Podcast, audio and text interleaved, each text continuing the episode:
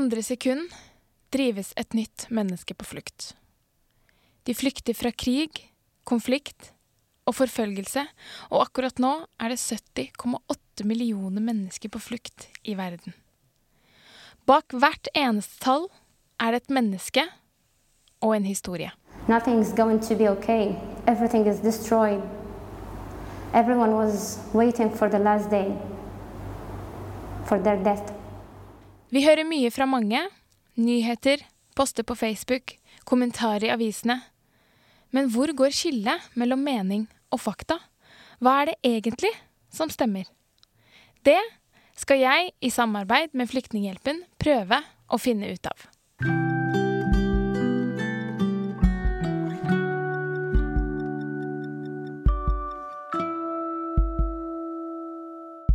Dagens gjest har eh, selv vært på flukt. Han var syv år gammel da krigen i hjemlandet brøt ut, og han og familien måtte flykte. Han ankom Norge da han var elleve år gammel, sammen med moren og søsteren, hvor de ble gjenforent med faren som allerede hadde kommet til Norge. Siden den gang har han jobbet for å skape et mer tolerant og inkluderende samfunn, og han har blitt en kjent figur blant det norske folk. Du har kanskje sett han i TV-program som eh, Typen til, Leo og U-landslaget eller eh, Uro. Men vi ønsker å snakke med han om NRK-dokumentarserien Flukt. I den prisvinnende dokumentarserien møter han bl.a. mennesker som har flyktet fra krigen i Syria, papirløse flyktninger i Norge, redningsmenn på det norske skipet CM Pilot og familie og etterlatte til 27 år gamle Sam som døde på vei over Middelhavet. Velkommen til deg, Leo Ajkic. Tusen, tusen takk, altså. Vi skal eh, komme tilbake til eh, serien eh, Flukt litt senere i eh, episoden. Men først har jeg litt lyst til å høre mer om historien din. Ja. Du er født i det som tidligere het eh, Jugoslavia, med en kroatisk mor og en bosnisk far. Ja. Og det er jo egentlig Eller hva kan jeg si, da? Det er jo litt sånn rart hos oss, fordi navn og klangen av navn putter folk direkte i båser. sant? Så hvis du har sånn muslimsklingende navn, så blir du bosnier. da. Hvis det er katolskklingende, så blir det kroat. Men så er det andre lag i tillegg til det. Sånn som min, min mor sin familie har røtter fra Kroatia også. Mm -hmm. Mens min fars side har røtter i Bosnia. Yeah. Så, så, ja. Det er riktig, det. Ja. um, vi eh, Eller du ble eh, født i det som tidligere het Jugoslavia, hvor det brøt ut krig på 1990-tallet. Eh, kan du fortelle oss eh, hva som skjedde, og hva som var årsakene til at krigen brøt ut? Hvis jeg hadde visst det, så hadde jeg skrevet en bok. Og så hadde, hadde den het 'Sannheten om hvorfor krigen brøt ut'. Ja. Men jeg vet jo ikke det. Men det jeg er sikker på, er at alle ledere for de forskjellige republikkene i Jugoslavia, de gikk fra å kanskje være fra samme parti, som kanskje ikke er helt sånn som ting er i Norge, da de var kanskje kommunistpartiet, eller ikke vet jeg, men de snakket i hvert fall om brorskap og fellesskap mellom nasjonene, og de ble byttet ut med ledere som snakket til sitt folk. Så ja, mye av krigen har med hvordan man ser på naboen sin og oss, de, og, og alt det snakket der, tror jeg. Mm. I tillegg til økonomi, i tillegg til andre ting. Og så i tillegg til verden og hva som foregår med stormaktene og alliansene og de maktspillene der. Du vet. Men jeg skulle skrevet en bok hvis jeg hadde visst sannheten om krigen. For jeg vet jo ikke, jeg. Ingen vet. Mm. Liker å tro. Og fordi én ting er jo på en måte selve historien, men du var jo faktisk der. Mm. Eh, og du var jo bare syv år. Mm. Eh, men forsto du hva som skjedde, eller hva som var i ferd med å skje? Ja, jeg var sikkert på vei til å skjønne hva som var i ferd til å skje før det skjedde òg. De siste månedene før det skikkelig smalt. Av ting jeg overhørte, av ting jeg så. Det var veldig mye militær i byene, veldig mye En stresset stemning, rett og slett. Nyhet, nyhetene hadde sikkert mye om de tingene der. Altså, jeg var jo sikkert skjermet fra det så godt som jeg kunne blitt fra foreldrene mine, men jeg tror jeg fikk det med meg. Men første redselen og første sånn følelsen av at ah, det var en sånn terrorhandling, en eksplosjon av en uh, det var kanskje ett år før krigen brøt ut. Kanskje jeg var akkurat fylt syv eller seks. Jeg husker jeg siklet på en sånn grønn ponnisykkel eller et eller annet, og så bare smalt det. En sånn en, Litt sånn som Mad Max-filmen. En sånn svær lastebil full i, full i et eller annet eksplosiv. Og den Ja, det, det var så mye detonasjon, og da ble jeg skikkelig redd første gang. Jeg tror jeg falt av sykkelen. Men et eller annet, jeg husker det øyeblikket som wow, hva er det som skjer nå? Så tok det litt tid, og så husker jeg bare at jeg blir vekket midt om natten av lyder, og vi skal ned i kjelleren. Og etter den kvelden så var det ikke noe tilbake, på en måte. Da var det krig. Midt om natten Jeg husker den lyden fortsatt av En sånn sirene som på en måte sier at nå, nå er det fare. Mm. Og fra det øyeblikket så ja, så var krigen i gang, på en måte. Men da var jeg kanskje en av de øyeblikkene jeg var mest redd òg, for da visste jo ikke jeg. Men jeg har jo hørt den sirenen seinere, har blitt vekket om natten andre ganger, men den første gangen var kanskje mest spesiell, og den husker jeg best. Jeg husker hvilken leilighet, hvilken kjeller. Jeg kan gå tilbake i dag og vet akkurat hvor det skjedde, på en måte. Wow.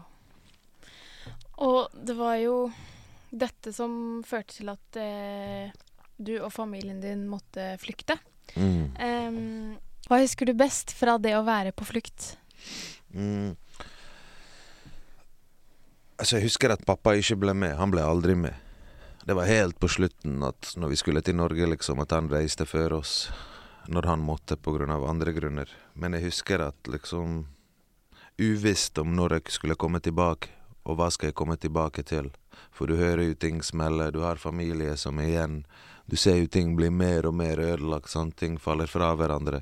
Så jeg var sikkert litt redd og frustrert over fremtiden, og hva er, det, hva, er, hva er det som blir igjen, på en måte. Og så sitter jeg et sted i Tyskland kanskje og ser litt nyheter med foreldrene som følger med på ting der nede, og ting går jo fra gale til verre, på en måte. Og så roer det seg litt, og så blir det verre igjen, og så Altså, det, det går Det blir en slags bumerang, eller hva skal man kalle det, berg-og-dal-bane mm. fra gale til verre, på en måte. Mm. Jeg var jo flyktning i nærområdet, som i Kroatia, da, og der også var det litt krig. Jeg husker der òg Det var for så vidt mye tryggere enn der jeg var fra i Bosnia, men det var fortsatt definisjon krig der òg. Bomber, granater. Uh, ja, fare. Men det var verre der, i hjembyen min, liksom. Så, ja. Mm.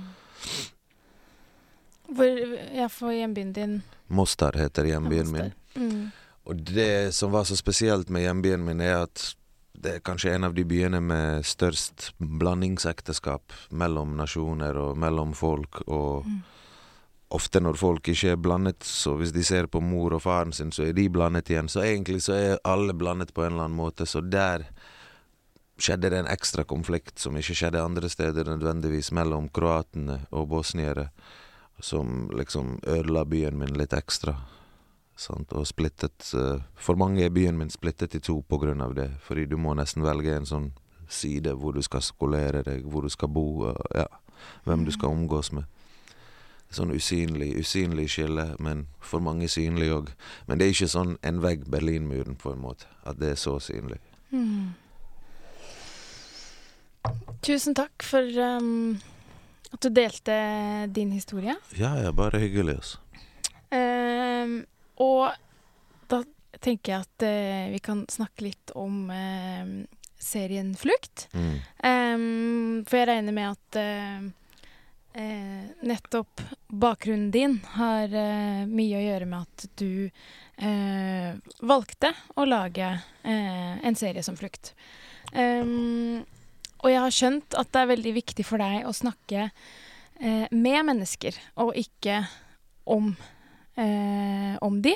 Mm. Kan du si litt mer om hvorfor du valgte å lage eh, nettopp denne serien, og hvor ideen kom fra? Altså, en av de første ideene før eh, Flukt ble Flukt, på en måte. For Flukt er et samarbeid mellom meg og Pandora Film og NRK. Sant? Det er tre parter som jobber sammen og skal lage et produkt. Men alle oss har jo sikkert hatt lyst, hver av oss, å lage noe på det. Og når jeg jobbet i P3 før, som er yngre TV-kanal som tar opp norsk uh, ung realitet og virkelighet, så var ikke det kanskje plass til det. Og det var kanskje ingen rundt meg som hadde lagd noe sånn tidligere, som kunne backe opp et sånt prosjekt. Som kunne faktisk ja, som har vært i faresoner, og, og uh, ja måtte jo på sikkerhetskurs og heavy ting for å få lage uh, flukt. Det er ikke bare liksom som å lage hva som helst TV, på en måte. Du skal virkelig ut der det er farlig, og jeg som kommer fra som har flyktet fra krig, jeg er jo ikke nødvendigvis lyst til å sette meg ut i fare igjen mm. bare for å bare for å få frem et point eller et eller annet. Så jeg vil jo det skal bli gjort mest mulig skikkelig, på en måte. sant? Ja. Med folk jeg kan stole på. Så det tok jo lang tid, den prosessen. Men det andre var at kanskje det ikke var så relevant da, for alle, eller det var ingen Syria-krise som var så nær nordmenn at jeg mener at det er et tema uh, som vi alltid Som vi, vi har godt av å lære oss en del om krig og flukt. Og det er jo ikke så lenge siden nordmenn har vært på flukt pga. krig. Jeg kjenner jo noen av de som lever i dag òg, som, som i den alderen som har opplevd andre verdenskrig. sant? Mm. Så det er jo ikke det, det er evig relevant tema, liksom. Og jeg husker jeg fikk det når jeg var vaskehjelp. Med en gang jeg begynte i TV-bransjen, så var jeg også vaskehjelp om morgenen. For jeg visste jo ikke hvor lenge det her kom til å vare, på en måte. Mm. Og, eh, og da hadde jeg en jobb som de fleste ikke har lyst på. Og, ofte blir det snakket om innvandrere som vi kommer her for å ta de og de jobbene, for å bare sitte her og liksom, du vet, ta stor plass og bare ta godene. Men jeg ville bare liksom Vet du på en måte hva sånne som jeg har gått igjennom for å gjøre en jobb du ikke har lyst på engang? Vet du ofte hva folk går igjennom og setter livet sitt i fare og alt for å bare få en jobb som kanskje du ser på som drittjobb? Jeg ville vise det av og til, bare for å liksom sette noen ting i perspektiv. Mm. For ja, ofte tenker ikke man på sånne ting. Jeg og hver sted jeg reiser, så blir det som en reality check når jeg kommer tilbake til Norge, for jeg ser noen ting som reagerer på, som vekker noe som jeg ikke tenkte over, som liksom Ja.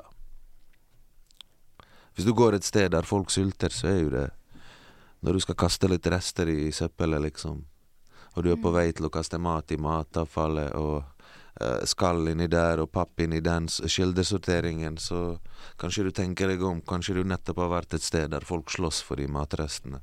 Ja. Skjønner du? Eller Så hvert sted man reiser, så er det en, en reality check på godt og vondt. Du kan reise til et sted så er det bedre enn Norge på en del ting, og så tenker man hei, jeg vil gjøre noe her, sånn at vi òg kan få det sånn. For det òg mm. fins. Det er sant. Ja, vi glemmer ofte det, men det fins mange ting der ute som er bedre enn sånn som vi har det, på en måte. Mm. Perspektivet på ting er jo ja. veldig viktig. Ja. Um, det er over to år siden serien ble sendt på NRK. Ja visst. Um, første gang. Uh, men kan du fortelle hvordan den ble tatt imot? Uh, enormt Sånn, jeg har jo lagd humor før og forventet at folk skal Ikke forventet, men liksom jeg skjønner ok, noen deler det her er underholdningsverdi. Men jeg forventet ikke at dette skulle slå an på samme måte, for jeg tenkte dette er viktig TV. Dette er jo ikke gøy TV nødvendigvis. Mm. Sant? Så jeg var sikker på at vi hadde lagd noe bra og viktig, men jeg var ikke sikker på at så mange kom til å ta det til seg. Så mange klasser. Så mange folk som kanskje er politisk uenige, bare 'jeg likte måten dere gjorde', eller hvordan dere snakket med begge sider av en sak, eller et eller annet. Så mye av og, og enorm engasjement. Ofte vi tenker engasjement det er liking eller at andre deler på Facebook, men her har jeg fått brev fra folk som har reist i utlandet tatt et friår for å hjelpe andre, startet en organisasjon, skrevet en bok sammen med klassen for å få andre til å forstå det samme som de forsto når de så den serien. Så det har vært sinnssykt engasjement. Jeg trodde Twitter var dødt, jeg hadde ikke sjekket det på et år engang. Plutselig den dagen bare brrr, Twitteren min til og med drepte meg, liksom. Wow. Så det var enorm mottagelse med tanke på at dette her skal jo kanskje ikke være underholdning. Det er jo ikke det vi ser på som underholdning i dag. Å ta opp mm. alvorlige tema og snakke om det. Underholdning er jo liksom å Ja, jeg vet ikke, jeg. Rødnesedagen eller et eller annet sånt shit. Mm. Ja, du skjønner pointet mitt. Ja. Jeg tror, eh, jeg tror i den siste tiden så har vi blitt flinkere til å lage eh, mer innhold Mm. som blant annet handler om psykisk helse eh, eller eh, tabubelagte temaer, eller temaer som eh, vi ofte ikke har turt å snakke om før. Mm. Så det kan hende at du Rett og slett at den tiden Flukt kom ut, så traff det akkurat Mm. i en riktig tid hvor folk Folk vil jo eh, lære, og folk er jo nysgjerrig. Eh, Definitivt, definitivt. Ja. Kanskje hvis Flukt kom tre-fire år før, så hadde den vært like viktig og bra, men vi hadde ikke fått den Mm. akkurat den greien som vi fikk her på grunn av da var Syria og det som skjedde nå som var veldig nærmt, og veldig mange hadde en mening om hele greien som skjedde på en måte. Det er sant. Og mange var også urolig for det som skjedde på en måte. Så den serien Uro er mye av det samme at vi fortsetter. Ei, dette ble et program fordi folk var urolig. Hva annet er folk urolig for? Så går vi og lager mer TV. Sant? Mm. Det at mange har eh, og hadde meninger om mennesker på flukt, henger eh, bl.a. sammen med det vi så i 2015 med flyktningstrømmene over eh, Middelhavet. Mm. Eh, da var det over en million mennesker som kom til europeiske land. Eh, og i stor grad som et resultat av krigen i Syria, som du også har nevnt. Eh, men også fra andre land og eh, konfliktsituasjoner. Og i serien din eh, så blir vi med på eh, ruta som altså da eh, 27 år gamle Sam tok fra Gambia via Agadez i eh, Niger. Og byen Agadez omtales ofte som en slags eh, et slags eh, transittsted, eller stoppested for migranter og flyktninger, som ønsker da å ta seg videre oppover det afrikanske kontinentet. Og noen ender med å reise videre til eh, Europa. Og vi hører om eh, menneskesmuglere og eh, reiser som blir eh, ekstremt kostbare, Mm. eh, og til tider livsfarlig. Hva er det disse menneskene må igjennom? Uff. Uff. Først og fremst er det forskjell hvis du er gutt og jente. Alle jeg har møtt etter reisen, jenter, de virker litt forandret. Det har skjedd ting. Fysiske ting, overgrep. Øh, ja. Mange, jo mørkere de er i huden, virker det som, jo verre blir de behandlet òg. Veldig mange mørke fra Vest-Afrika, sånn som du fra Gambia. Brannsår, tortur, spesielt etter Agadez og da når du skal gjennom Libya, og når folk får tak i deg der, og ja. Sant? Og smuglere der. Til og med selv om du har betalt dem og de skal føre deg videre, så kan de holde deg inne et sted og si det er ikke safe, det er ikke klart ennå, og det kan være et halvt år eller et eller annet. Og så kan politiet eller noen komme og finne deg, eller lokalbefolkningen og sette fyr på det huset, eller et eller annet. Så det, det, det er veldig mye rart. Det er telefoner til familie fordi de blir utpresset på veien, fordi folk vet at de har betalt, eller at de kommer til å skaffe mer penger fordi de er på vei til Europa. Det er nesten sånn nei, du kan ikke gi deg nå. Det er bare den. sant? Bare rett over til Italia. Ring noen i familien, få de til å sende over penger. Brenner vi deg litt. Uh, du møter jo bra folk på veien òg. Noen som ser uh, noen folk som sliter, og inviterer de med hjem, og så spiser de middag og blir venner og blir får et bånd. Det har vi, faktisk opplevd i Flukt, der han, broren til Sam, som er, ja, Sam er jo død, og broren skal vise vekk ruten og besøker en dame som hjalp han og broren når de ikke hadde noen som hjalp dem. Og hun damen har han kontakt med den dag i dag. Det er som en andre mor for han. Så det skjer vakre ting der òg, ikke bare elendighet på, på en reise som migrant.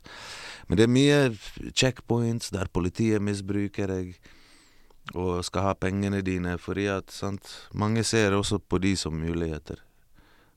Mange ser på de også som nesten ulovlig, selv om de egentlig ikke er ulovlig. De har lov å være inn, i Afrika innenfor visse steder innen tre måneder, eller ikke vet jeg. Men Agadez, der var det mange triste skjebner som kanskje har blitt igjen der og ikke har penger, og der er en del folk som ender opp med å gjøre en del ting som de ikke tenkte seg salg av narkotika og ting, og ofte blir de presset til det òg. Ja. Ofte de som kanskje kjøper narkotika og er også migranter, de sitter et sted et år og blir frustrert og drikker alkohol, tar dro... Det fins alt, alle slags ting fins der. Man skulle trodd man er midt i Sahara, i ørkenen, og der er det Hva er det man stresser med der, å få tak i vann og mat? Nei, men der er det dop, og det er prostitusjon, og det er alt mulig som du kan tenke deg. Gambling, våpen, det ene og det andre, liksom. For man Mm. hører jo ofte om um, Eller vi får jo ofte høre om de som eh, krysser Middelhavet. Mm. Uh, men vi hører jo ikke så mye om at de faktisk har vært på en hel reise før det de har igjen også. Og Jeg vet ikke hvem som styrer Libya og hva som skjer der, men jeg tror de mottar enorme penger for å stoppe det her. Og hvordan de stopper det, ikke vet jeg, men jeg har møtt folk som sier de har blitt stoppet med vold, med makt, så jeg tror mye penger kommer fra Europa eller fra Italia, fra visse steder, går i hendene på folk som bruker makt, som skal liksom virkelig stoppe deg fra å reise til Europa og sette eksempler. Sant? Og så like mange, så nesten flere som returnerte enn som reiste når jeg var der. Når jeg var på vei ut i ørkenen og skal filme uh, folk som er på vei ut, så så jeg like mange på vei tilbake, og de hadde gjerne med seg en madrass, en spade, et eller annet. De var på vei til Europa for å skaffe seg. De ville bare ha litt uh, mer klær eller et eller annet, eller noen få materielle ting, ofte òg bare for å gjøre livet enklere. Så ser hun de har 40 grader ute, så har de to jakker på seg, for det er det de eier. Og så har de lue, og så Det blir jo kaldt om nettene, men all eiendom på seg, med en madrass, med en spade, med På vei hjem igjen, og, og så kanskje de får litt kurs og litt sånn hvordan starte en business og For det er sånn, noen støtter jo ved at det er noen der ute i Sahara som holder kurs, sant? sånn at de kan lære seg når de er på vei hjem, og ikke gi opp og starte business og gjøre ting og prøve på nytt, liksom, istedenfor å prøve å krysse Middelhavet på nytt. Oi. Ja. Så jeg har opplevd det og sett det. Der er folk som er på vei hjem, får litt sånn one-on-one business. Hvordan åpne en butikk, hvordan drive noe, hvordan starte opp noe for seg sjøl. Men ehm, er det ikke mange som bruker eh, alle pengene de har, eh, på å komme dit? Hva, hva, hva er det de gjør når de blir sendt tilbake? På en måte, Hva er det de Mm. har da? Jeg vet ikke om du vet det? Tror, eh, jeg tror de fleste har ikke med seg alle pengene med en gang av det som skjer. De har noen hjemme de stoler på som sender litt og litt og litt, og litt, tror jeg. Mhm. Og så har de visse stopps. Og de som ikke har det, de som har det aller verst, de er nødt til å stoppe steder og gjøre ting og jobbe. Og sånn som Agadez, den byen du nevner, der er noen gjerne ett, to, tre år før de har nok penger til å ta til neste rute. Og når de er i neste rute, i Libya, så får de tenke hvordan skal de komme seg videre derfra til neste sted, og neste sted, og neste sted. Så det kan ta år og dager, så Tenk hvis du kommer fra Sør-Sudan, eksempel. Den lange reisen. Det er ofte når du ser på kartet sånn Du vet Norge, det ser enormt ut, men du flyr til Tromsø på to-tre timer. Mm. Jeg har flydd innenlands i Sør-Sudan to-tre timer, og det landet på kartet virker som ingenting på en Mm. måte. Så tenk deg når du skal derifra til uh, Libya gjennom Altså, kartet lyver litt. Det er mye større avstander folk må krysse enn det det ser ut som når du bare åpner verdenskartet. Det der er bare tull. Mm. Enorme mengder, altså enorme avstander. Men eh, hvis de har penger, Mm. og eh, de vet hvor de vil og hvor de skal, hvorfor, eh, hvorfor tar de ikke fly? Nei, altså Du får ikke komme deg på flyet, tror jeg. Jeg tror flyselskap har ansvar på at de sjøl må sjekke at alle har visum. Og, Mhm. og siden de fleste landene har tatt det ansvaret på flyselskap, så gjør jo ikke de De gjør en god jobb og sjekker at alle har på Når jeg skal til USA, så sjekker flyselskapet om jeg har visum. Mm. Og, og da vet jeg på en måte, hvis jeg blir solgt hjem igjen, det er på Norwegian sin eller SAS sin regning, fordi at det er de som slapp meg på flyet. Jeg visste jo de burde sjekket. Tenker jeg. Jeg tror det er sånn, hvis ikke jeg tar feil. Mm. Så jeg tror flyselskapene gjør en jobb, i hvert fall på flyplassen. Buss og sånn, det er noe annet. Ok. Der kan du gå av før en grense, snike deg, gå med fots over med fly. Bare gå inn og ut av en fly, nei. Noen er heldige at de kan det. At de har riktig pass, eller at de har ordnet papirer på forhånd. Mm. Sånn som jeg, min flukt til Norge var med et fly når papirene var i orden. Ja. Men min flukt til Tyskland og andre steder når jeg var yngre, var i buss og liksom helt andre greier. Mm. Ja, det, jo, det gir jo mening at det er um, vanskeligere å snike seg med på et fly. Ja, og pluss, hva skjer når du lander i Norge? Hvis du greier det, da. Falsk Altså, ja, jeg vet ikke hva som skjer da. Ja, det er et uh, godt spørsmål. Ja, da blir det liksom ja, På vei ut av flyplassen, det, så blir du sjekket igjen, og Mm. så Ja, det blir mange. Nei, du blir uansett returnert, og, og når du kommer med båt og sånn, så, så blir du registrert, og da blir du alltid sendt tilbake til det landet som du først er registrert i. Så hvis du kom deg ulovlig til Europa og ble plukket opp av havfolk, eh, en norsk båt i, England, i Italia og registrert, når du videre skal til Norge og et eller annet skjærer seg her, så er du på en måte na, Du kom til Italia først, det er der du må Det er der du tilhører, på en måte. Mm. Så Norge slipper å ha folk som tilhører her, fordi det er jo ikke Du kommer ikke rett fra Syria, Tyrkia, Norge Altså, det er mange land imellom som får første ansvar før Norge får det, på en måte. Ja. Norge er sist i rekken, hvis ikke du kommer fra Russland over til Norge. Men Russland-Norge avtaler avtale om å sende folk tilbake til Russland. Jeg vet ikke, kanskje det foregår, jeg vet ikke hvordan det foregår. Mm. Syria, Somalia, Colombia. Verden over blir millioner av mennesker tvunget på flukt fra krig og konflikt. De blir revet bort fra familie og venner og går en usikker framtid i møte. Bare mens du har hørt på meg, har åtte nye mennesker blitt drevet på flukt. Flyktninghjelpen skaper muligheter og hjelper mennesker med å bygge seg en ny fremtid. Du kan være med å støtte vårt arbeid. Vips til 2142. Du og eh, familien din flyktet fra et land i Europa og endte opp eh, i Norge. Og dette var jo for eh, mange år siden. Men de fleste som flykter i dag, ender jo eh, ikke opp i Norge. Eh, tidligere i år så var jeg eh, med Flyktninghjelpen til Jordan.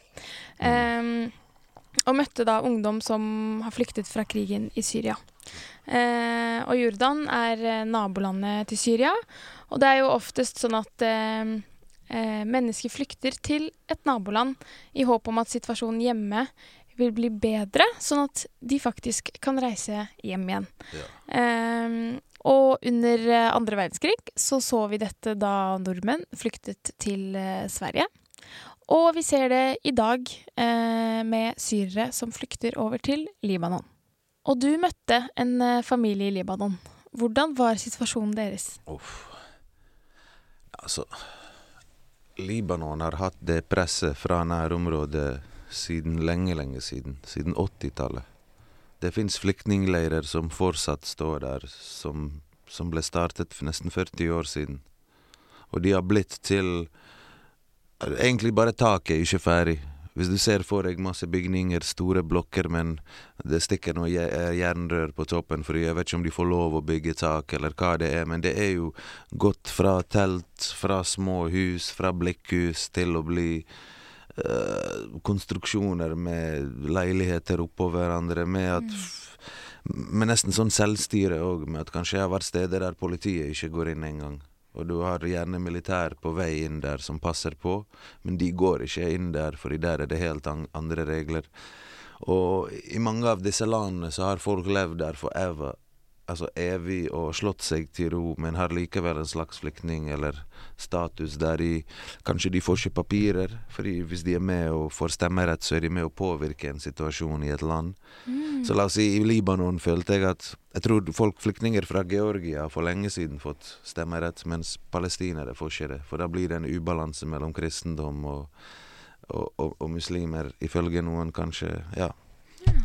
Så det, det er en del sånne ting som foregår, som fører til at ting er sånn som de er, på en måte. Så når syrere kom nå til Libanon, så har de allerede slått seg inn i nabolag der det var andre flyktninger fra andre land, der de har levd øh, og vokst opp i generasjoner.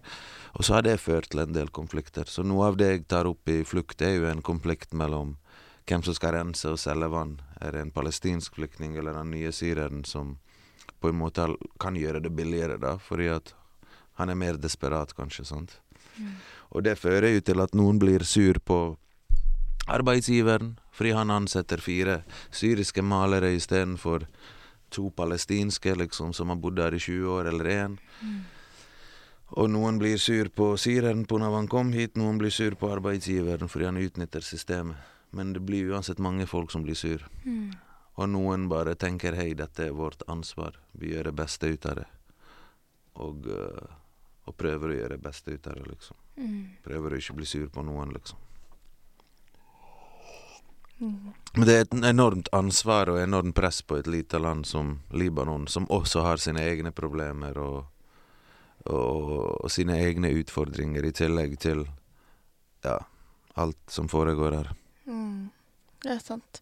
Men hva um, Hvilke erfaringer hadde du med akkurat den familien du møtte? De bodde i et sånn nabolag som på en måte har sikkert evig vært en flyktningleir. Eller som en bydel som har vokst opp fra en flyktningleir. Som bare Vi ble jo veldig fort eh, på en måte observert av de lokale folka som styrte der. Jeg trenger ikke si hvilken gruppe, det har vi hørt om før, det navnet. Men det er ikke så viktig, liksom. Men de kom fort bort til oss og bare 'Hei, hvem er dere?' og sånt. Så kanskje ikke det tryggeste stedet å vokse opp. Og jeg tror de var også avhengig av at kanskje de hadde en bror i Norge som sendte litt penger, og sånn at de kunne greie seg der. Så hva kan jeg si om den familien? Vi visste jo ikke om de fikk bli i Norge eller ikke. Vi bare fulgte den prosessen, og så heldigvis for de da, og for de som vil ha de i Norge, så fikk jo de Ja, fikk de en positiv, da. Mm. Og det er jo et eh, tilfelle hvor det Ja, hvor det blir positivt. Eh, I motsetning til de Som i forrige episode så, så fortalte Malon om Osama som han hadde møtt eh, i Libanon. Eh, som da fikk eh, et negativt Ja. svar. ja, jeg tror det er flere som får negativ enn positiv i det store bildet. Mm. Når det handler om å få lov til å komme inn i Norge. Uansett. Jeg tror det er flere som får nei enn ja. Og til og med hvis du får ja til å komme inn Ofte Norge kan være som et nærområde, selv om det ligger langt unna at du har ikke Det er ingenting vi, Altså av og til situasjonen i landet ditt avgjør. Kanskje hvis det er krig i fem-seks år, greit, du får bli her. Men av og til så så planlegges det at de skal på en måte sendes tilbake. Og det er jo en stor kostnad for alle, tenker jeg. Hvis vi bare skal liksom betale for at folk venter, uten å på en måte integrere de i den prosessen, eller prøve å få de til å ja, jobbe med ting og bli ressurser her. Ja. Jeg, jeg tenker jeg, Hvis jeg hadde drevet et land, så tenker jeg det er enorm kostnad å på en måte Å ha den innstillingen av at jeg, jeg vil sende folk hjem igjen når de kommer hit. Ja. Det er sant. Vil jeg heller liksom Hei, la de i hvert fall betale litt skatt når de er her. og La de jobbe, la de bidra, la de la se hva de kan. Mm. Kanskje vi trenger det. Man begynner å tenke på det som ressurser i stedet.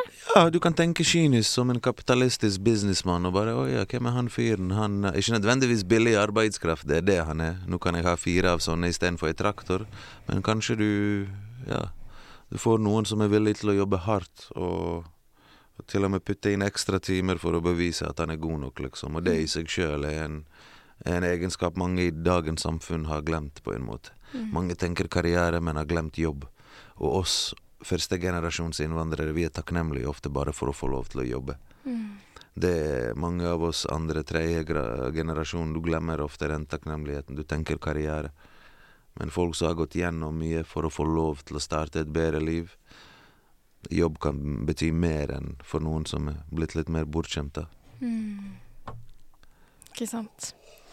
Ehm, I serien så får vi jo faktisk eh, se øyeblikket ehm, da familien fikk nyhetene om at ehm, de fikk komme til Norge som kvoteflyktninger. Eh, hva tror du alternativet hadde vært hvis de hadde fått et nei? Snakket dere noe om hva Hva skjer da? Mm. Ikke Ikke over Middelhavet med båt gjennom Agadez og Libya. Fordi det hadde faren veid opp.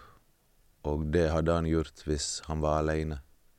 Ja. Og det var det broren hans gjorde for å komme til Norge, eller et eller annet sånt. Mm. Når han ikke hadde bra barn som på en måte reddet de og finansierte de, de øh, når han jobbet i Norge, og mens de var der og, og ventet i Libanon. Mm.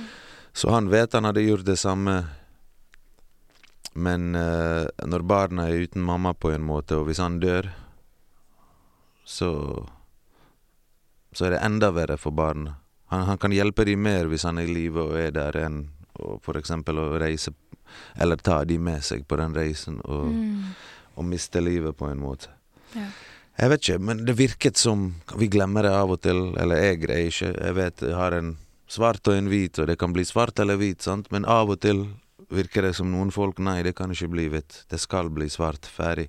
Så jeg tror han prøvde på en måte å ikke engang se for seg et negativ. Mm. Og tenke ikke på den. Du har bare plan A. Plan B, ja, vi får lage plan B seinere, men akkurat nå er det bare plan, Plan A. Ja, jeg fikk en følelse av at de hadde bare plan A. Plan B er uansett fucked up, på en måte. Mm. Da må det bli kanskje et annet land i Europa, men hvordan Nei, der hadde ikke han en bror eller noen som kunne hjelpe med den prosessen, eller Så, ja. Mm. Hadde eh, de menneskene du møtte, eh, håp om å komme tilbake til hjemlandene sine en gang i fremtiden? Jeg tror de fleste som er på flukt, har det på en måte. Men uh, så kommer det til et point der liksom Hvor lenge skal jeg greie det her, liksom? Man må også bli realistisk av og til. Og tenke hei, det her går ikke. Nå må jeg finne et sted der det er mulig for meg å Og da velger jo ikke et like gale land som du flyktet fra, på en måte. Du velger jo et sted der det er mulig, der det er litt muligheter. Der, du, der barna dine kan på en måte få en del muligheter og, og sånne ting. Så ja. Vet ikke hva jeg skal si om det. Samme som Jeg vet ikke. Hvor var det nordmenn reiste når det var Ikke når det var krig, men når de var fattige her? USA? Svarte det? Ja, USA. Mm. De reiste jo ikke til uh, Syria og Albania og Midtøsten. og Nei. De stakk der de hørte det var best, på en måte. Mm. Og, men det gjør jo ikke folk i krig. De stikker jo ikke der det er best. De stikker der de har hørt det er åpent, eller der du kjenner noen. Eller når folk skal til Sverige, så tror ikke jeg det er nødvendigvis fordi jeg har hørt Sverige er bra. Jeg tror det er fordi de kjenner noen der, som oftest. Eller har noen som Mm. Hvis folk skal til Tyskland, så tror jeg de har noen i Tyskland som kan hjelpe, eller noen som har sagt 'kom til Tyskland'. Og ofte Kanskje et annet land hadde vært bedre for dem, men de har noen i Tyskland, derfor de vil der, liksom. Tenker de at Ja, det det var sånn med meg. Vi skulle til Tyskland, for vi hadde noen der, og så stakk vi tilbake. mm. Og så Det er liksom Jeg tror ikke når du flykter fra krig Oi, hvor er det rikt? Hvor er det Jeg stikker dit. mm. Men når man flykter pga. sult og muligheter, så tenker man kanskje hei, hvor kan jeg få litt bedre muligheter? Mm. Det er ikke noe frekt, tenker jeg. Det er ikke noe slemt å tenke hvor kan jeg få det bedre? Hvor kan mine barn få det bedre? Nei. Det ville nok eh, de fleste gjort. Hvis de Nei, hadde det håper jeg, situasjon. hvis de er gode foreldre, i hvert fall. Ja. Husker du eh, hvordan du og familien din tenkte eh, om dette da dere kom til Norge? Om hva? Tenkte dere at eh, dere ville returnere hjem en dag? Ja, definitivt. Det var ikke før jeg var sånn 18-19 at jeg skjønte kanskje jeg ikke skal returnere. For jeg, det var en del ting som begynte å holde meg igjen. Forelsker deg, du har basketlag, du har sånn hiphop-ting på gang, kultur, du vet. Venner. Og så ser du at du har gått glipp av en del ting der nede, så, så ikke det er det samme. På en måte, du er ikke han bosnieren, du er diaspora. Du vet det Mm. ordet, diaspora? Ja. Ja, du er en diaspora. Akkurat som for nordmenn, du er alltid noen som har en annen bakgrunn. Men så er du fordi der nede alltid noen som har bodd en god del av livet ditt i Norge. ja. Så du blir en som er litt av begge to. Og jeg føler man må bare akseptere det, og ikke prøve å være for mye den ene, for mye, men heller hva liker jeg best fra den ene? Oi, den tar jeg. Hva liker jeg best fra den andre? Den tar jeg. ja. Og så blir man en Tredje- blanding på en Tredje måte. kultur? Ja, jeg har hele livet vært blanding. I hvert fall fra Jugoslaviens fall, så jeg har ikke noe imot å være flere ting på en gang. Jeg Mm. har ikke noe sånn Oi, du må være dette eller dette. Men ehm, du har vært der eh, etter, eh, etter at du flyttet derfra. I Bosnia Mm. og Herzegovina non-stop hele tiden. Hvordan er det å, å dra dit nå? Digg. Det er bra. Flere folk må komme ned dit og sjekke det ut. Akkurat nå har jeg sjekket på Google i dag, det er 20 grader, liksom. Jeg har vært der fire ganger. Du har vært der fire Ja. ganger? Hvor? I I både Sarajevo og Bosnia. Nei, og Mostar. Fett. Hva gjorde du der, da? Ja, jeg har en venninne som eh, bor der nå og studerer. Ja. Så jeg har besøkt henne hvert år, da. Ok, Og hva Mm. syns du om det stedet, da? Jeg elsker det. Oi, Mostar er min favorittby. oi, hvorfor det, da? På grunn av historien, ikke minst, og eh, broa, og eh, bygningene, og elva, og folka, og maten. Alt. Sant. Ja. Jeg eh, elsker Mostar. Jeg liker at det er litt undervurdert, for det er ikke sånn Ah, vi skal dit, vi skal dit, så kommer du dit, så det var ikke så kult som jeg trodde, men Bosnia, det er liksom Omvendt. Hei, ja, omvendt nesten. Hei, ja. Ofte folk kommer inn én-to dager, for de tør ikke, de vet ikke hva de skal, og så booker de om billetten og blir der. Mm. Jeg har møtt så mange som bare har stukket innom, og så bare Du, vet du hva, jeg, jeg skal ikke tilbake til det feriestedet jeg var på. Jeg blir her litt, jeg. Mm. Og den vennegjengen jeg er med, ofte bare ser jeg turister som er alene midt i gjengen vår. Vi har sånn pokerkveld. Jeg tenker Det ser nesten ut som vi skal lure den personen, for det er plutselig en japanfyr m- 30 km fra sentrum som noen fra vennegjengen min har dratt med seg.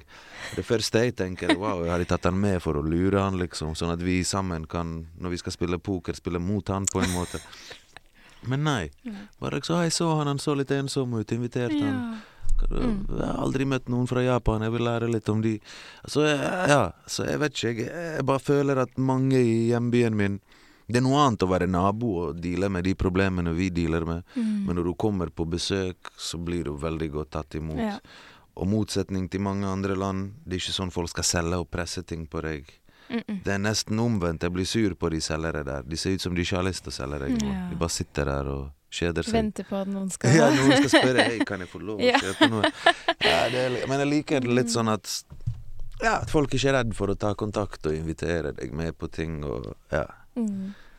Så syns jeg det er um, Det jeg syns var mest spennende, var Du ser jo eh, spor fra krigen fortsatt. Eh, I Sarajevo, når man kjører forbi bygningene, så ser du jo fortsatt skuddhullene i, Ja. i bygningene. Og det blir så um, nært på en, på en annen måte, for de har jo ikke tatt Altså fylt de eller tatt ja de det har ikke blitt renovert Nei, alt ennå. Og dessverre, noe av det i, i hjembyen min tror jeg er litt sånn fordi turister syns det er spennende. De vil sånn Hei, hvor er det, hvor er det spor av krigen? Det vil de se. Mm. Skjønner du? Og derfor kanskje noen ting i sentrum som burde kanskje blitt pusset opp, sånn at jeg slipper å tenke på det og min mor når hun går forbi det. Mm. Men så er det det turistbussen stopper ved siden av, parkerer og skal ta bilder av. Så på en måte jeg både skjønner det, men samtidig Ja, så for Det var litt det jeg tenkte på når jeg Ja, ja. at, at det er der fortsatt, sporene. Og, og, og, når du er der så ofte, så tenker jeg det at folk står opp hver dag og Mm. ser de skuddhullene. Det er det de står opp med. Men det, det jeg har jo falt på is før og slått rumpen min, men hver gang det snør og det er glatt, jeg tenker jo ikke bare på det, liksom. Nei, du prøver igjen. Av og til husker jeg den gangen jeg gikk og bare kjøpte meg iskrem. Skjønner du? Eller av og til skal jeg noe og fra gå fra A til B, og jeg går tilfeldigvis forbi de stedene. Men det er ikke alltid jeg tenker på alt det der, på en måte. Men av og til så Spesielt når jeg har folk fra Norge med meg og skal vise de ting. Det er det første folk spør om. Wow, ruiner. Så mye, liksom. Ja. Mm, og det skjønner jeg. Mm. Sant? Hva um, De menneskene du møtte, uh, hva var det de savnet fra livet deres før de måtte flykte? Det er jo veldig forskjellig, da. Det er jo De jeg møtte fra Syria, og spesielt den familien, det minnet meg litt om mine foreldre og sånn. Bare det normale, gode livet og sosiale og det å ha en jobb å gå til, å ha venner og ha det greit. Det var ikke sånn at Hvordan hadde du det før krigen? Nei, jeg hadde egentlig ikke så mange venner, og jeg gikk hjem, jobb, hjem, jobb, og livet var egentlig trist, så det å komme til et nytt sted, det var veldig fresh på en måte. Ny start. Nei, Nei. det er nesten. Omvendt. Det er nesten sånn Ja, jeg har fått meg nytt liv, her er det mer muligheter, her er det utdanning, men i Syria eller i Bosnia så hadde jeg naboer som hilste på meg. Jeg hadde det sosiale nettverket. Jeg var inkludert, på en måte. Mm. Det føler jeg mange mangler. Selv om Norge gir de like mye i måneden å leve på, selv om alle får en seng, selv om vannet er rent i springen hos alle, så ikke er det sikkert alle har noen rundt seg som ikke tar betalt, som er der, på en måte. Mm. Noen som er der frivillig Ja, frivillig, rett og slett, så, Mm. og som en venn, da. Ja. Du em, møtte en dame fra eh, Sierra Leone som hadde flyktet med eh, hennes to barn. Én var tre år, og en som bare var fire måneder gammel. Mm. Eh, de ble jo reddet og satt i land på eh, den greske øya Lessos, og fortalte deg at de ikke trodde de ville bli sendt tilbake til eh, hjemlandet sitt da du spurte. Eh, og etter dette møtet fortalte du at eh, du ikke klarte å fortelle eh, den unge moren at eh, mennesker fra Sierra Leone ikke får eh, opphold. Mm. Det er jo sånn det er, liksom. Hun visste jo ikke reglene. Hun visste kanskje farene på havet, kanskje ikke det engang. Kanskje de som tok pengene hennes og hun var på vei til et bedre liv, eh, ikke fortalte hun godt nok. Kanskje burde hun sagt hun er fra et annet land der det er noen andre konflikter, for å kanskje få lov til å registrere Eller et eller annet, ikke vet jeg. Eh, men, men sånn som reglene var for sånne som hun, så Men samtidig, det var ingen som skulle sende henne tilbake, på en måte. Hun får bare en sånn stempel om at du ikke får hjelp, du ikke kan søke mer hjelp. Og så er du bare der ute, på en måte. Men Jeg, jeg har møtt flere folk som bare 'hei, send meg hjem'. Jeg har vært i camper der folk har fått avslag for tre-fire år siden, og bare 'hei, hvem skal sende meg Altså, jeg kommer ikke meg hjem igjen. Det òg kan skje. Det er jo ikke sånn organisert at du blir flydd hjem med barna dine når du får avslag i Europa, eller når noen i Hellas eller Italia gir deg avslag. Ofte betyr det ja, du har liksom tre måneder eller et eller annet på papir og forlater landet, men, men hva skjer da? Du blir jo bare der og er på en måte og må greie deg svart under bordet på det, på det svarte markedet, eller på illegalt, da. Så, men jeg hadde faktisk kontakt med hun damen. Jeg tror hun endte i Aten i Hellas og ble stakk der. Vi prøvde å vi, For mange av de folka vi møtte, vi prøvde å holde kontakt og Ja, og sånne ting. Og for å se hvordan det går med de, og akkurat for å se hva som skjer. Men av og til mister folk mobilen eller et eller annet, og ferdig. De, de hadde jeg bare et mobilnummer fra. Jeg vet ikke hvilket land det mobil, mobilen var engang. Det var den hun hadde med seg til land, til Hellas, på en måte. Og det var ingen Facebook eller noe sånn. Så jeg tror vi mistet kontakten, rett og slett. Men vi hadde det litt.